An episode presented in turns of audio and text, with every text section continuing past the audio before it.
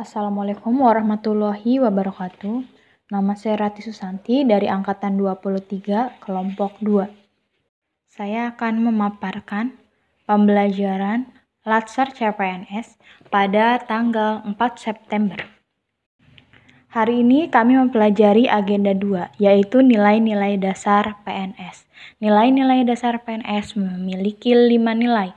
Yang pertama, akuntabilitas yang kedua nasionalisme, yang ketiga etika publik, yang keempat komitmen mutu, dan yang kelima anti korupsi.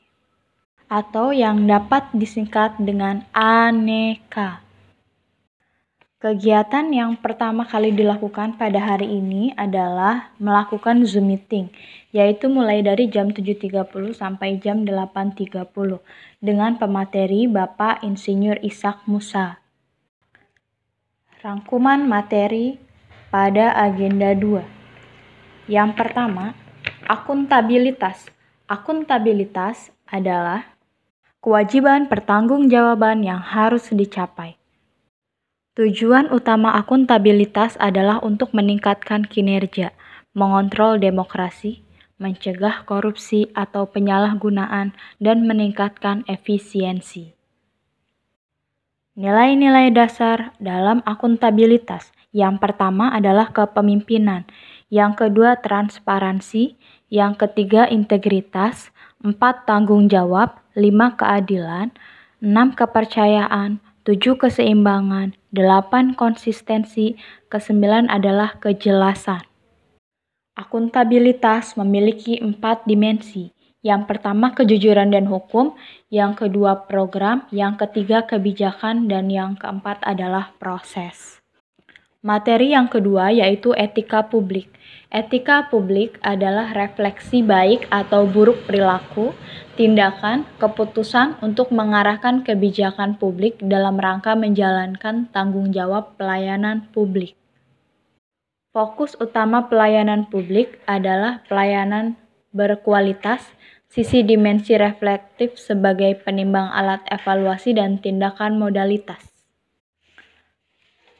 Setelah membaca modul dan juga menonton video, kami mulai mengerjakan tugas kelompok. Untuk tugas kelompok, kami melakukan diskusi melalui Zoom mulai dari jam 10 pagi sampai jam 12 setelah istirahat sholat kemudian kami melanjutkan lagi dari jam 2 sampai jam 3 tugas kelompoknya adalah membuat kamus aktualisasi dalam bentuk matriks. Namun ruang lingkupnya adalah akuntabilitas dan etika publik. Untuk tugas individu adalah membuat learning journal pembelajaran hari ini.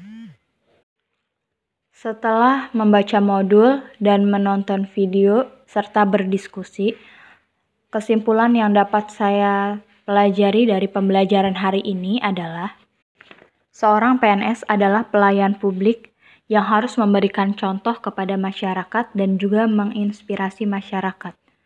Seorang PNS harus bekerja dengan tulus dan melakukan yang terbaik serta mengutamakan kepentingan masyarakat di atas kepentingannya sendiri. Seorang PNS adalah tulang punggung negara yang harus bekerja secara profesional dan mau menjadi agen perubahan, serta memahami tanggung jawabnya. Sekian yang dapat saya sampaikan. Wassalamualaikum warahmatullahi wabarakatuh.